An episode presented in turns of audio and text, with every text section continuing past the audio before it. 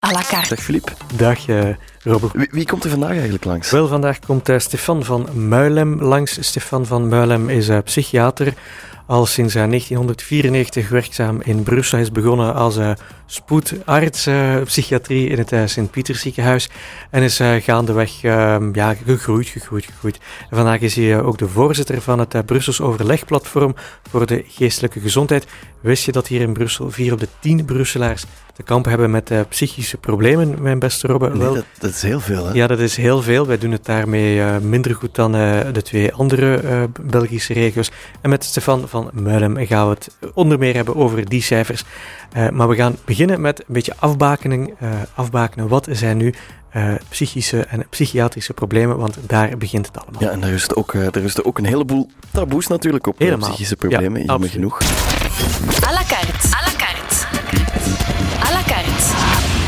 Robbe Petitjean en Philippe de Rijken. Dag Stefan van Muilem, welkom.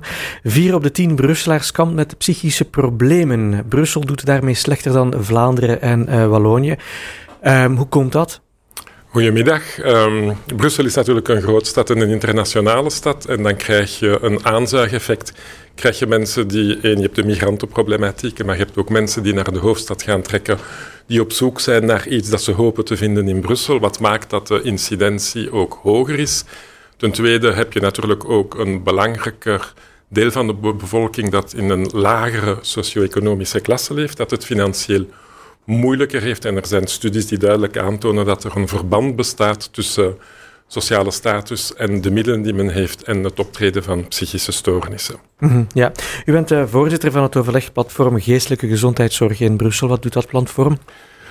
Wel, het overlegplatform, origineel noemt het overlegplatform voor geestelijke gezondheidszorg, is eigenlijk in de jaren tachtig gecreëerd geworden om het overleg te bevorderen tussen de residentiële en de ambulante sector. In de jaren tachtig is er een eerste crisis opgetreden. Men is dan beginnen kijken van hoe efficiënt of onefficiënt is de geestelijke gezondheidszorg. En men wou dan ook beginnen nadenken over eigenlijk meer ambulante behandeling in plaats van residentiële behandeling. Dus origineel was het eigenlijk een plek waar de verschillende instellingen, zowel de residentiële als de ambulante, samenkwamen om te overleggen over verschillende problematieken en ook hun aanbod proberen op elkaar uh, af te stellen.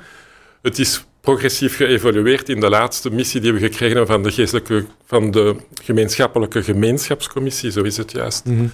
uh, staat er duidelijk dat het, dat het platform ook een rol moet spelen in het organiseren van de geestelijke gezondheid in Brussel. Mm -hmm. En dit best aangepast aan de noden en de behoeften die er bestaan. Dus dat is één rol. De tweede rol is het vergaren van wetenschappelijke informatie en studies organiseren of mee organiseren die verband houden met geestelijke gezondheid. Dus in grote lijnen zijn dat de belangrijkste missies van het platform. Ja, Stefan van Muilem, als we mogen zeggen dat vier op de tien Brusselaars kampt met psychische problemen, wil dat ook zeggen dat die allemaal in behandeling zijn? Het is niet omdat er een prevalentie van 40% is. Het is te zeggen dat 40% ooit eens een psychische stoornis zal ontwikkelen, dat 40% zal behandeld worden. Nu, als het voldoende ernstig is in de zin dat de symptomen die ermee gepaard gaan voldoende invaliderend zijn, dan zal de persoon in kwestie natuurlijk gaan consulteren. Waarschijnlijk in eerste in eerste instantie bij de huisarts op consultatie gaan. En huisartsen hebben in de vroegere cijfers plusminus 30% van hun cliënteel met mensen met psychische, waar een psychisch probleem bij aanwezig is. Mm -hmm. Die dan eventueel het gaat uh, zelf behandelen en dan is het opgelost. Of worden dan verder doorverwezen naar meer specialistische zorg. Naarmate natuurlijk ook dat de ernst van de aandoening gaat toenemen. Dus het meest frequent zijn de angststoornissen mm en de angstgebonden stoornissen. In tweede instantie komen dan de humeursstoornissen, het is te zeggen de depressie, en dan pas meer naar achter komt middelenmisbruik en dan de ernstigere psychotische stoornissen die natuurlijk ook aanwezig zijn. Ja. ja. Um, wat zijn de gevolgen voor onze stad eigenlijk als we met vier op de tien mensen zijn die ja, kampen met psychische problemen? De gevolgen voor de stad is een moeilijke vraag. Ik denk dat het, wat mijn sector betreft en mijn domein, is dat we moeten zorgen dat we vier op de tien mensen zouden kunnen opvangen of begeleiden of tenminste helpen met het oplossen van dit psychisch probleem. Uh, het is niet omdat er veel psychische stoornissen in de populatie aanwezig zijn dat dat als dusdanig een probleem gaat stellen voor de populatie in zijn geheel. Ja, is er voldoende, is het netwerk om die mensen te helpen voldoende groot in Brussel? Ik denk dat in grootsteden, alle grootsteden, en dat is ook geldig waarschijnlijk voor de minder grote steden zoals Antwerpen of Luik in België, dat je natuurlijk een, een verzadiging krijgt op een bepaald moment van het zorgaanbod. De vraag overtreft het aanbod. Um, en dan zou je natuurlijk moeten gaan investeren om dat zorgaanbod te gaan uitbreiden. Het is te zeggen, er moeten meer middelen geïnvesteerd worden in geestelijke gezondheid. Geestelijke gezondheid is altijd het zwakke broertje tussen aanhalingstekens geweest van de gezondheidszorg. Ik denk dat er een wil is bij de huidige politieke. Uh, bij de huidige politici om meer te gaan investeren en te zorgen dat het aanbod zich zal gaan uitbreiden. Maar dat zijn natuurlijk politieke beslissingen die moeten genomen worden. En dan spreek ik van aanbod via instellingen, geestelijke gezondheidscentra, psychologen, eerste lijnspsychologen die bij huisartsen gaan werken.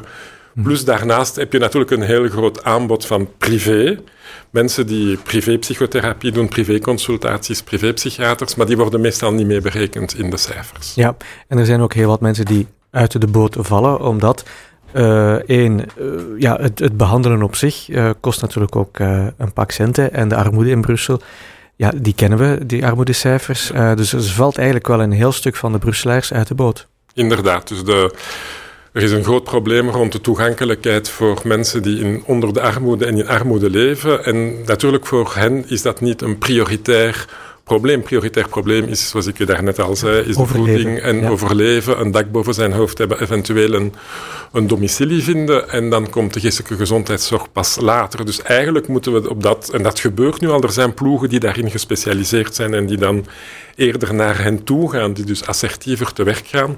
Maar dat zou verder moeten uitgebreid worden, ja. ja. Um, sinds de zesde staatshervorming um, zit meer en meer gezondheidszorg ook uh, in, uh, in Brussel. Um, is dat, is, zijn de Brusselse structuren aangepast aan hetgeen wat we nu nieuw bijgekregen hebben sinds die zesde staatshervorming? Wel, de zesde staatshervorming heeft meegebracht dat Iriscare opgericht is geweest. Dus Iriscare is een, openbare is een instelling van openbaar nut. Heeft dus de missies overgenomen die tot nu toe door het GISIF uitgevoerd werden, maar die dus met de staatshervorming getransfereerd zijn. En natuurlijk dat Iriscare is, is, is actief, maar moet ook nog verder uitgebreid worden. Moet verder uitgebreid worden en moet ook, ja, iedereen die daar te werk gesteld is, moet ook aan die problematieken gewoon geraken. Dus het is toch wel een heel grote missie à la carte. Ja? Nee. Stefan van Muilem, we laten ons beginnen met een, um, een moeilijke ja-nee-vraag. De hersenstructuur van de stadsmens is anders dan die van de plattelandsmens. Ja of nee?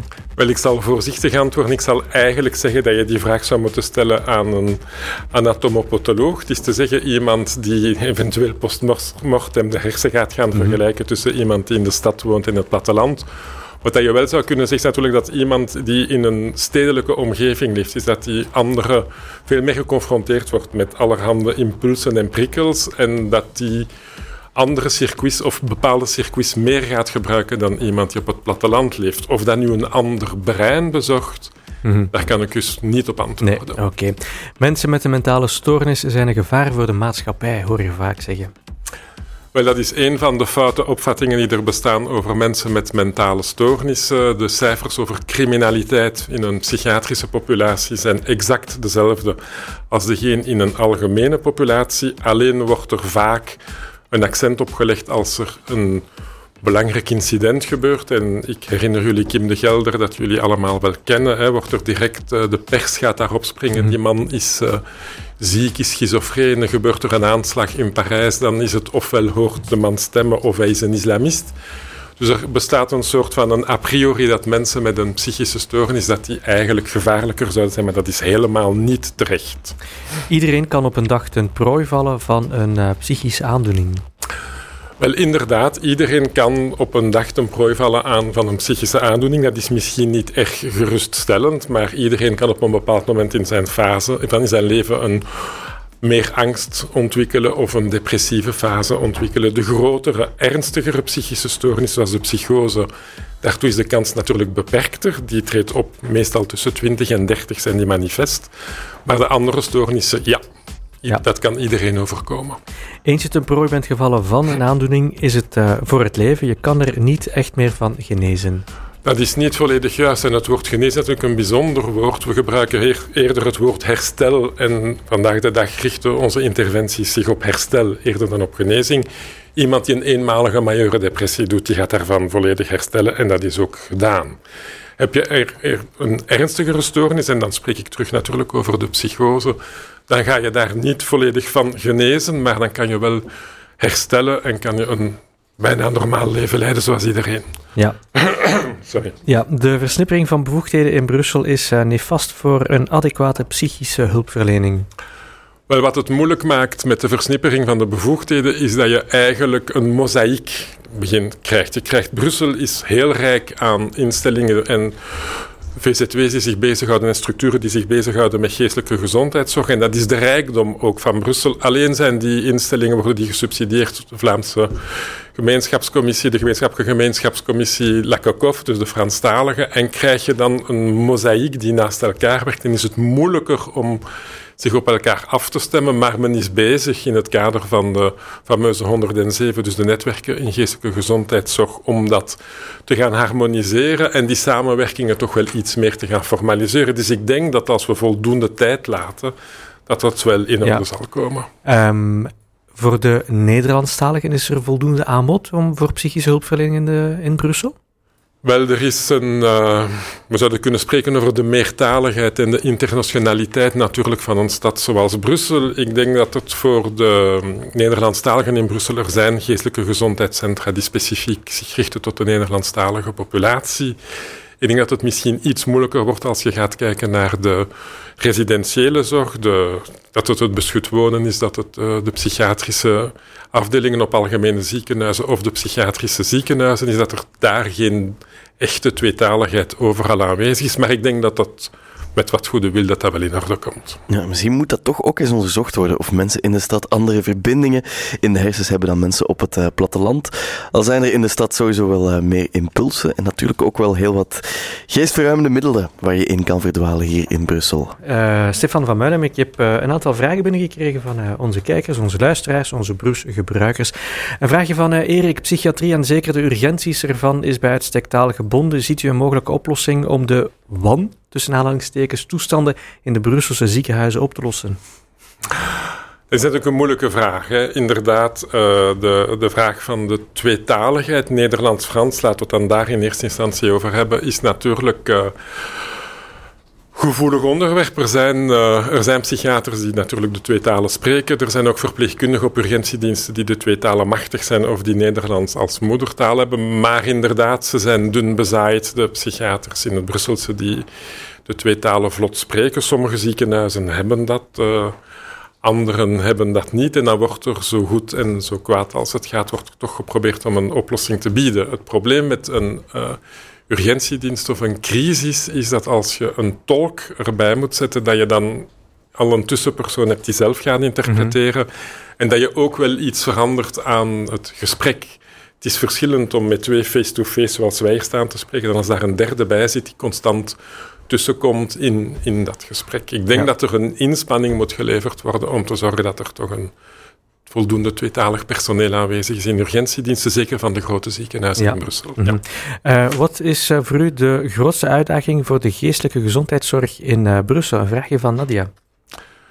De grootste uitdaging volgens mij is één dat wij. Um, ik zou zeggen dat het overleg en dat ook de, de zorg eigenlijk in de continuïteit gaat kunnen bestaan. Het is te zeggen dat je op een bepaald moment heb je een zorgtype A nodig, op een ander moment heb je een zorgtype B nodig, dat die transities tussen A en B veel vlotter gaan verlopen. De tweede grootste uitdaging is natuurlijk de ganse eerste lijns. Mm -hmm. Ik bedoel dan de, de, de huisartsen, uh, waar we het daar net over hadden, mensen die in armoede leven, en de, dus de ontoegankelijkheid versus de toegankelijkheid van de geestelijke gezondheidszorg.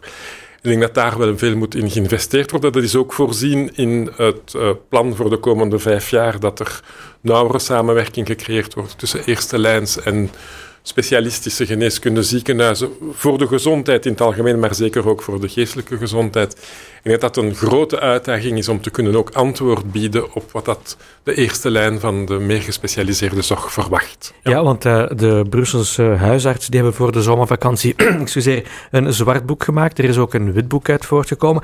Want ja, hun eerste vaststelling is, wij staan er zeker dan in geestelijke gezondheidszorg er helemaal alleen voor. Wat is het antwoord aan de huisartsen vandaag? Wel, het, uh, dus het zwartboek was eigenlijk uh, een, een, een, opsomming uh, van een aantal situaties die de moeilijkheid toonden om eerste lijns, en dus voornamelijk huisartsen, om oplossingen te vinden voor mensen met psychische stoornissen, met ernstigere stoornissen en een antwoord te krijgen uit de geestelijke gezondheidszorg op specifieke vragen van dringende opnames, zelfmoordrisico, gespecialiseerde consultaties. Ze hebben dan in het witboek, dat dan later is uitgekomen, dus net voor deze zomervakantie, hebben ze dan zelf een aantal voorstellen gedaan. Dus onder andere een helpdesk. Een helpdesk zou in eerste instantie bedoeld zijn volgens hen voor huisartsen die kunnen bellen naar, met een probleemsituatie naar iemand die de voldoende de geestelijke gezondheidssector van Brussel goed kent en die hen zou kunnen helpen oriënteren. Maar dat vraagt iemand die dan toch wel echt kaas gegeten heeft van de geestelijke mhm. gezondheid en die ook weet waar er eventueel plaatsen zouden zijn. Ze vragen ook een meer multidisciplinair overleg. Het is te zeggen dat wij huisartsen samen met mensen uit het geestelijke gezondheidscentrum zouden kunnen in loco gaan overleggen. En ze vroegen dan ook een, de, de eerste lijnspsychologen, het is te zeggen psychologen die zouden of te werk gesteld zijn in de medische praktijken van de huisartsen, of die gemakkelijk bereikbaar zouden zijn om hen te helpen bij, uh, bij mensen met, ik zou zeggen, lichtere psychische mhm. stoornissen. Dus ik denk dat de voorstellen die ze doen zijn correct. De helpdesk is iets dat ook in de vijfjarenplan is opgenomen. Wij zouden als platform zouden wij graag hebben dat die helpdesk wordt uitgebreid, dat die niet alleen toegankelijk is voor huisartsen, maar, ook voor patiënten. toegankelijk zou zijn voor patiënten. Want de drempel, de drempel naar de psychische hulpverlening is nog altijd zeer groot, hè? Wel, je hebt de drempel en je hebt dan ook een soort van een wirwar van waar moet je gaan aankloppen met welk probleem. En de helpdesk of een centraal groen telefoonnummer zou een oplossing kunnen bieden met iemand die luistert naar de vraag, die probeert te begrijpen wat er aan de hand is en die dan een misschien, ik zou zeggen, een gepastere oriëntatie gaat geven. Heel erg eh, bedankt voor jullie vragen, Erik van den Abelen en Nadia Majoub. Ja, op de plank Stefan van Muilem, waarbij we altijd uh, dezelfde vraag stellen aan onze gasten. Hoe ziet uw dag er verder nog uit? Wel, na, na, deze uitzending ga ik naar de PVT, waar ik medisch directeur ben, dus psychiatrisch verzorgingstehuis, en waar een teamvergadering plaatsvindt. En dan vanaf 16 uur, 16 uur 30 ga ik beginnen consulteren, tot vanavond laat uh, privéconsultatie. Ja. Wat kan u uit uw slaap houden? Um, wat kan mij uit mijn slaap houden? Dat is een goede vraag. Wel, als voorzitter natuurlijk van het plat Brussels Platform Geestelijke Gezondheidszorg zijn er toch een paar heikele punten waar ik uh, soms wel eens wakker van kan worden, of als ik wakker word, waar ik over nadenk. Mm -hmm. Een ander punt dat mij uit mijn slaap houdt, is het bestaan van de niet erkende structuren in Brussel. Dus er bestaan een aantal instellingen die niet erkend zijn. Het is te zeggen waar er geen normen opgelegd worden, maar dus die wel... Dus centra waar mensen worden geholpen, maar die eigenlijk niet erkend zijn. Wel, het gaat namelijk over residentiële centra, dus waar mensen opgevangen worden die lijden aan meestal iets ernstigere psychische stoornissen en waar er eigenlijk geen legaal kader voor bestaat. En dus daar gebeuren zaken die helemaal niet oké zijn. Hoe kan zo'n centrum bestaan? Wel, als het aanbod beperkter is dan de vraag, dan ontstaan er, ik zou zeggen het woord piraatinstellingen, dat is misschien een beetje een hard woord, maar dat zegt eigenlijk waarover het gaat. Het is te zeggen dat er te weinig initiatieven beschut wonen, bedden beschut wonen in Brussel zijn. Er zijn te weinig PVT-bedden. En dus een deel van de populatie die daar eigenlijk zou moeten in verblijven en die daar geen toegang toe heeft wegens het gebrek, komt terecht in dat soort instellingen. Ja. En daar is het, uh, volgens het reilen en zeilen, wordt dan bepaald door de directie. Maar ik heb recent uh, informatie gehad dat er door een zorgverlener een arm van een patiënt gebroken is geweest. En dat stoort mij wel bijzonder. Ja, en dat wordt. Treedt de overheid daar tegenop? Wel, de overheid heeft voorzien om uh, het aantal PVT-bedden te verhogen in de komende vijf jaar. Dus het is zeker al een antwoord aan het bieden. Maar ondertussen bestaan die instellingen toch wel al een tiental jaar. En men heeft dat ook oogtoeluikend toegestaan. Met alle gevolgen van dien. Stefan van Muilem, ik vond het een heel fijn gesprek. Bedankt voor uw komst naar deze studio. Ja, het is alsof uh, ik plots psychiatrische patiënten zou opvangen. Ook geen goed idee, denk ik. Ik denk het niet. nee, absoluut, absoluut. Dankjewel om langs te komen, Stefan van Muilem. Met plezier.